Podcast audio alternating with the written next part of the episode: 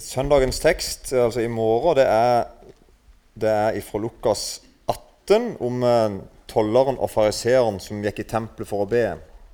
Så begynte vi litt på den i går. Vi las den lignelsen i går og hadde stoppet med to-tre moment i går, og det skal vi gjøre i kveld òg. Den står altså i Lukas 18, vers 9 og utover. Lukas 18 18,9 i Jesu navn. Han, det er altså da Jesus, han fortalte også denne lignelsen til noen som stolte på seg selv, at de var rettferdige, og foraktet de andre. To menn gikk opp i tempelet for å be. Den ene var en fariseer, den andre en toller. Fariseeren sto for seg selv og ba slik.: Gud, jeg takker deg fordi jeg ikke er som andre mennesker røvere, urettferdige, horkarer, eller som denne tolleren. Jeg faster to ganger i uken og gir tiende av alt jeg tjener. Men tolleren sto langt borte. Han ville ikke engang løfte øynene mot himmelen, men slo seg for sitt bryst og sa, Gud, vær meg synder nådig. Og så kommenterer Jesus og sier, Jeg sier dere, denne altså den siste tolleren, denne gikk rettferdiggjort hjem til sitt hus, ikke den andre. For hver den som opphøyer seg selv, skal fornedres. Men den som fornedrer seg selv, skal opphøyes.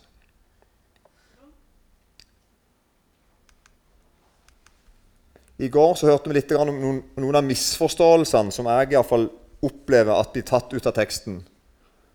Eh, noen eh, ja, egentlig alvorlige misforståelser.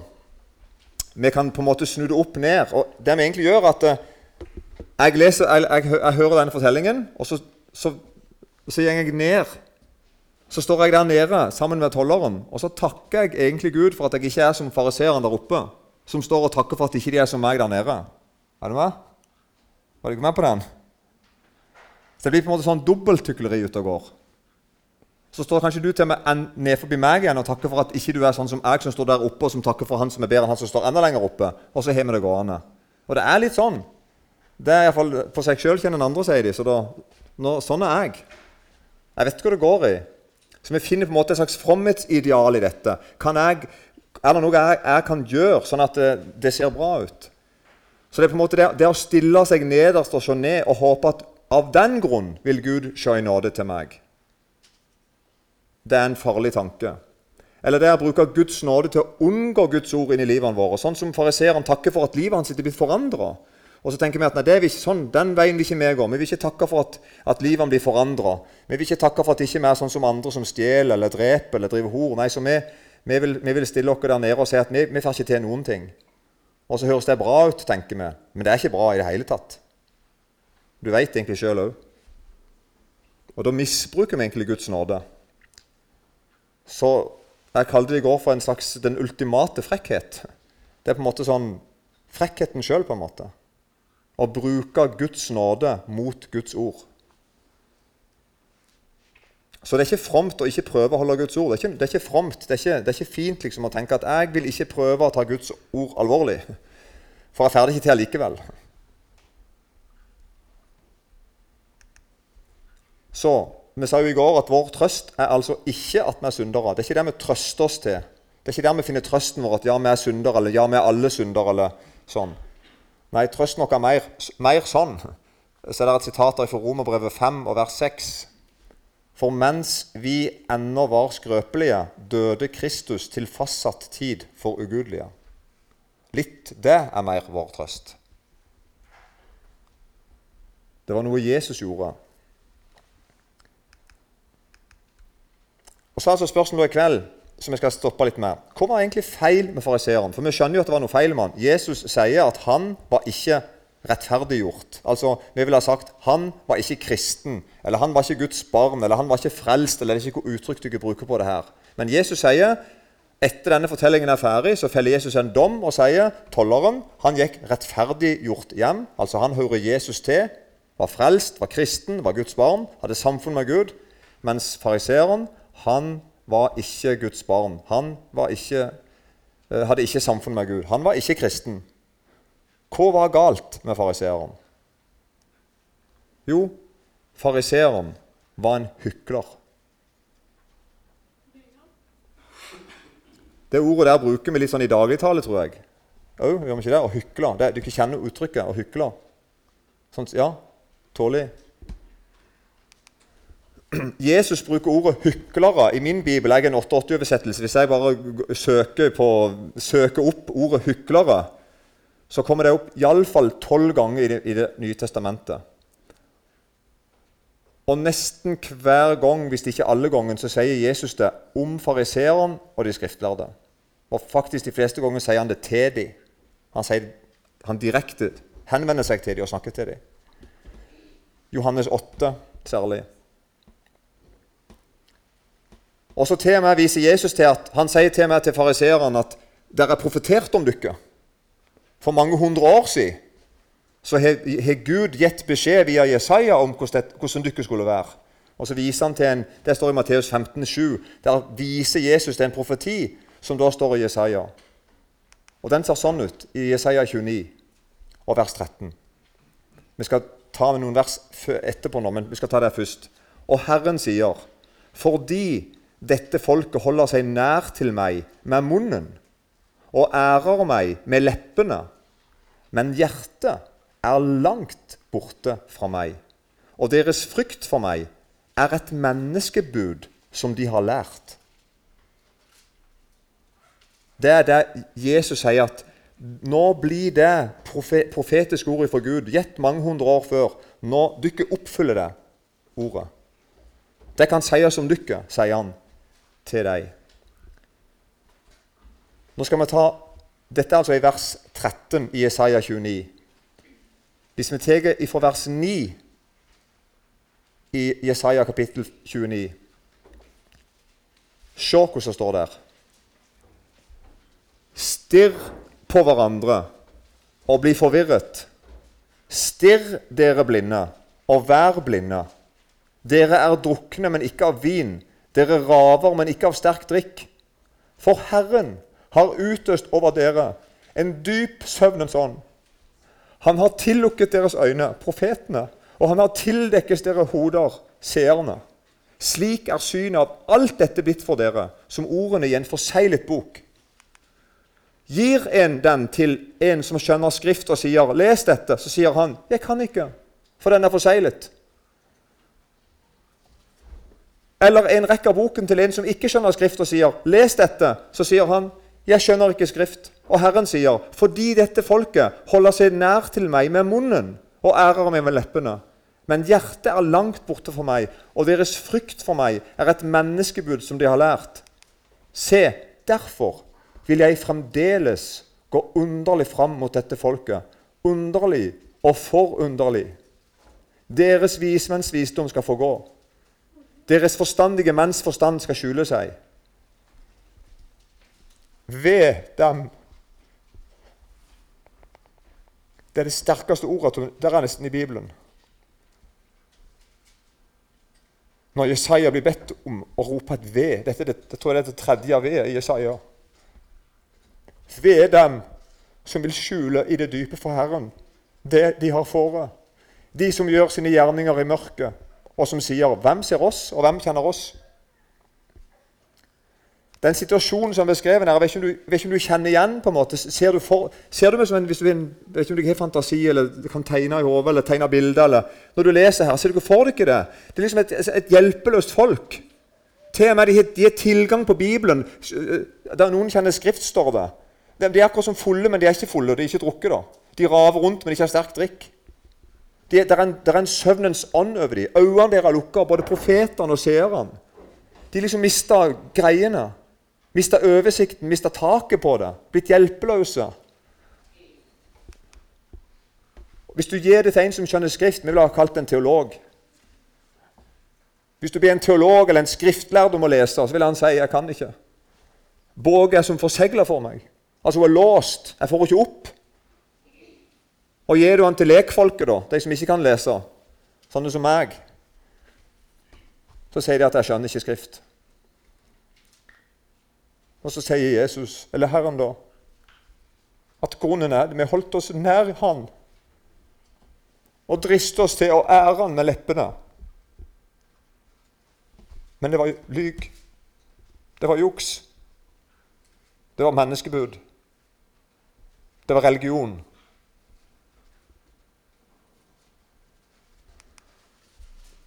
Derfor vil jeg fremdeles gå underlig fram mot dette folket. Underlig og forunderlig.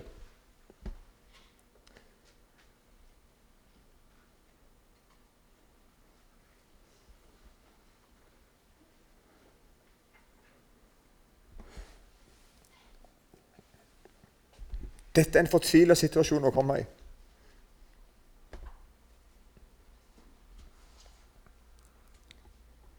For en enkeltperson, for en familie, for et folk, for en by. For ikke snakke om for en menighet.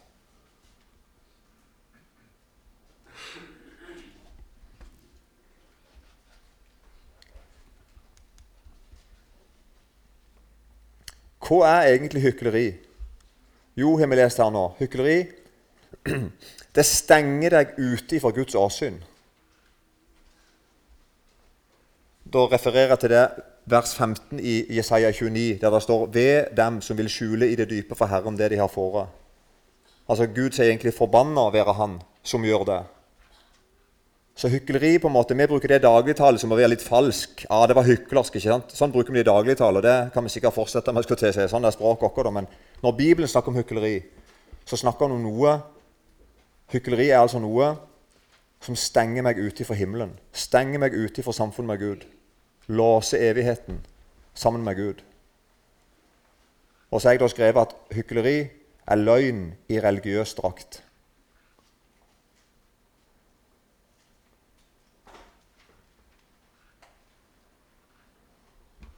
Det er noe som heter TX Vikings. Uh, uh, de ser sånn kjempeharry ut, og de er det. Det er sånne bodybuildere som uh, er kristne noen tror jeg er blitt det sånn i voksne, voksen alder. og De har hockeysveis og solbriller og store jakker og kjettinger og sånn. Og så gjenger de rundt på gatene i faktisk nesten hele verden. Og så vitner de om Jesus på gatene med kanskje stå og gjør noen sånne kunster som viser hvor sterke de er. Bøye jernstenger, knuse steinblokker i hodet og all slags ting. Og det er, sånn, det er sånn skikkelig harry. Jeg har lest om det i dagen, så jeg tenkte at det var gøy å sette det en gang. Eh, og så var de i Kvinesdal i sommer. Og der var jeg òg. Og tenkte nå skal jeg se dem. Og kona mi sa ok, hun gikk med bort. Og, og flere sa det, er skikkelig harry. Ja, men jeg skal se dem. Det var skikkelig harry, altså. Skikkelig, Vet du hva harry betyr? Ja, Selvfølgelig vet du ikke hva harry betyr. og, um, men det som var, det som var stilig, var at når det, som den der forestillingen på en måte som det var begynte, så hadde de sett opp en haug med ting de skulle knuse. Så det begynte egentlig med at de kom ut, og så knuste de noe. Noen sånne svære steiner. Noen knuste de med deg, noen knuste de med hodet. Eh, litt forskjellige og tøffe de var. Og Det var store stabler. Og så hadde de skrevet på dem noe. Så når vi sto, vi sto mange hundre mann og så, så bort på dem, så hadde de skrevet en haug med De hadde skrevet narkotika på en. De hadde skrevet porno på en. Altså synder. Ting som de hadde vært bundet til. Er du med? Og så var det så poenget der at de skulle komme ut, og så knuste de dem, og så fortalte de det er en som har makt til å knuse lenker til porno, til, til, narkotika, til spillavhengighet, til, til synde. Og så så jeg den helt den siste de skulle knuse, den heter religion. Og det var faktisk godt å se på når religion ble knust. Er du ikke med? Og han sa det ene Det er ikke religion vi driver med. Og Da tenkte jeg nei, det er sant. Det er ikke religion vi driver med. Vi kjenner Jesus. Men i hykleri så er det religion. Å, hoi, hoi. Gange to, gjerne. Så hykleri er synd og er noe Gud be oss om å legge av oss. Her er et henvisning til 1. Petersbrev 2.1. Det er flere, men jeg bare tok én som jeg likte. 1. Petersbrev 2.1. Legg derfor av all ondskap, all svik og hykleri, misunnelse og baktalelse. Så hykleri er ei synd. Det er noe jeg må be om Det er noe jeg må legge av meg, er det noe jeg må vende meg ifra, er det noe Jesus rett og slett må tilgi meg for, og det er noe han måtte dø for.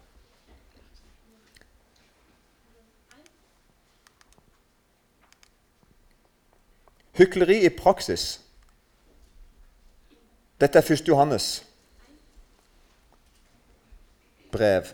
Og dette er det budskapet vi har hørt av ham og forkynner dere. Gud er lys, og det er ikke noe mørke i ham.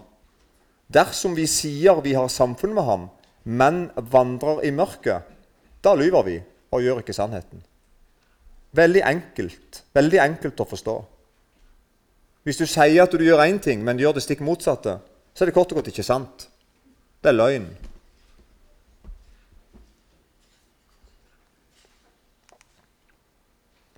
Og så er det noe som er sjokkerende konkret. Hva er det som skal bli det avgjørende på dommens dag ifølge Jesus?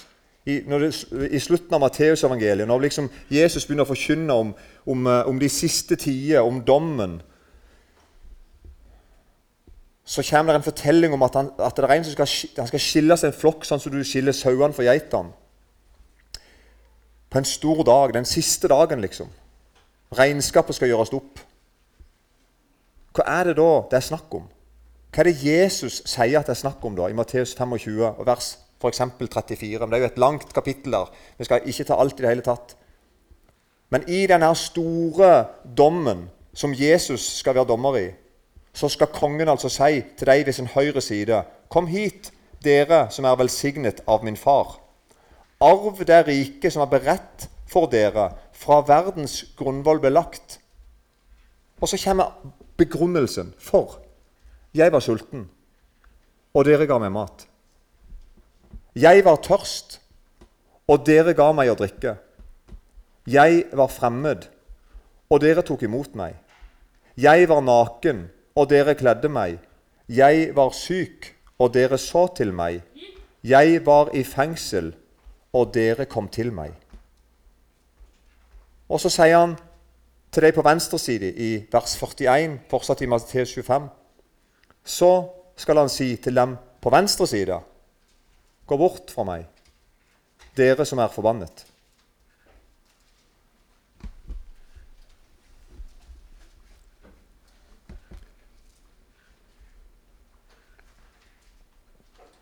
Til den evige ild, som er beredt for djevelen og englene hans. Og så kommer begrunnelsen. For jeg var sulten, og dere ga meg ikke mat. Jeg var tørst, og dere ga meg ikke drikke. Jeg var fremmed, og dere tok ikke imot meg. Jeg var naken, og dere kledde meg ikke. Jeg var syk og i fengsel, og dere så ikke til meg. Når jeg leser det, så sier jeg 'hæ'? Det er det jeg sier da. Var det ikke vranglærer som skulle dømme oss, på en måte? Var det ikke når vi mente feil om noe og tenkte feil om noe, som skulle dømme oss? Var det om jeg ga folk drikke eller klær eller ikke, eller mat? Var det om jeg besøkte noe i fengsel eller ikke? Er du ikke med? Hva er det Jesus forteller for noe? Er det det som skal bli snakk om på dommens dag? Hvem jeg har gitt mat til og ikke? Hvem jeg har brydd meg om og ikke?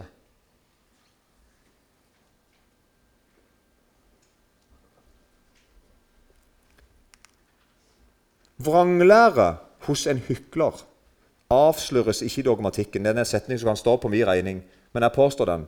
Du avslører ikke en hykler en, en, en, eh, Du avslører ikke en, hykler på vranglæra hans. Han vet hva han skal si. Hun vet hva hun skal si. Du ser det i livet. Du ser det på tirsdag og onsdag og torsdag og fredag.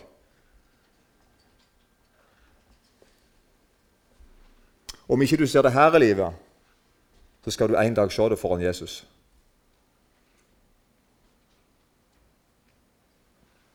Vranglærens egentlige ansikt. Bak ordene og uttrykkene og dogmatikken, som ikke er uvesentlig i det hele tatt, men bak deg og Gjerne foran de òg, men nei, bak de. Der ligger vranglæra som egoisme, som ukjærlighet, som uvillighet, som ubarmhjertighet, som likegyldighet, som sløvhet. Du bryr deg ikke lenger om andre. Det er vranglæra å ha det sånn.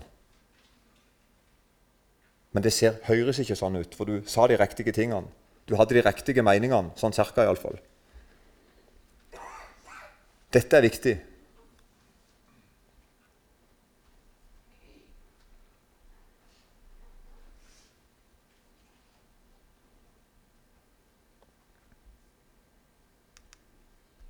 Sitter du fast?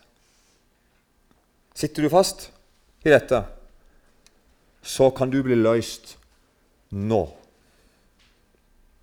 Det er ikke en prosess. Det er ikke en prosess. Det er ikke noe som går seg til til høsten. Det er ikke noe du skal bli bedre til, det vi snakker om nå, hvis du sitter fast.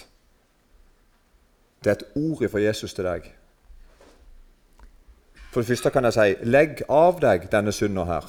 Legg det av deg. Kast det på Herren. Legg av, derfor av all ondskap og svik og hykleri, misunnelse og baktalelse. Det kan du gjøre nå. Du kan si til Jesus akkurat nå jeg vil ikke være sånn. Jeg vil ikke ha det sånn. Kan du ta det, Jesus?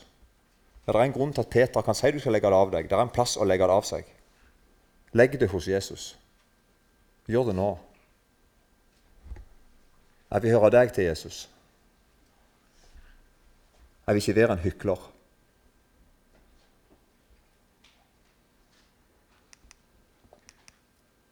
Men fariseerens løgn i denne lignelsen som vi egentlig har om i dag, fra Lukas 18, var ikke alt dette. Vi kunne ha fulgt dette fariseeren hjem. Dette vedder jeg alt jeg eier på. Nå er ikke det så mye, da, men jeg skal vedde alt jeg og alle geikene eier på dette. At Hadde vi fulgt dette fariseeren hjem, denne Jesus snakker om nå, så hadde vi ikke sett spor av hykleri i livet hans. sitt.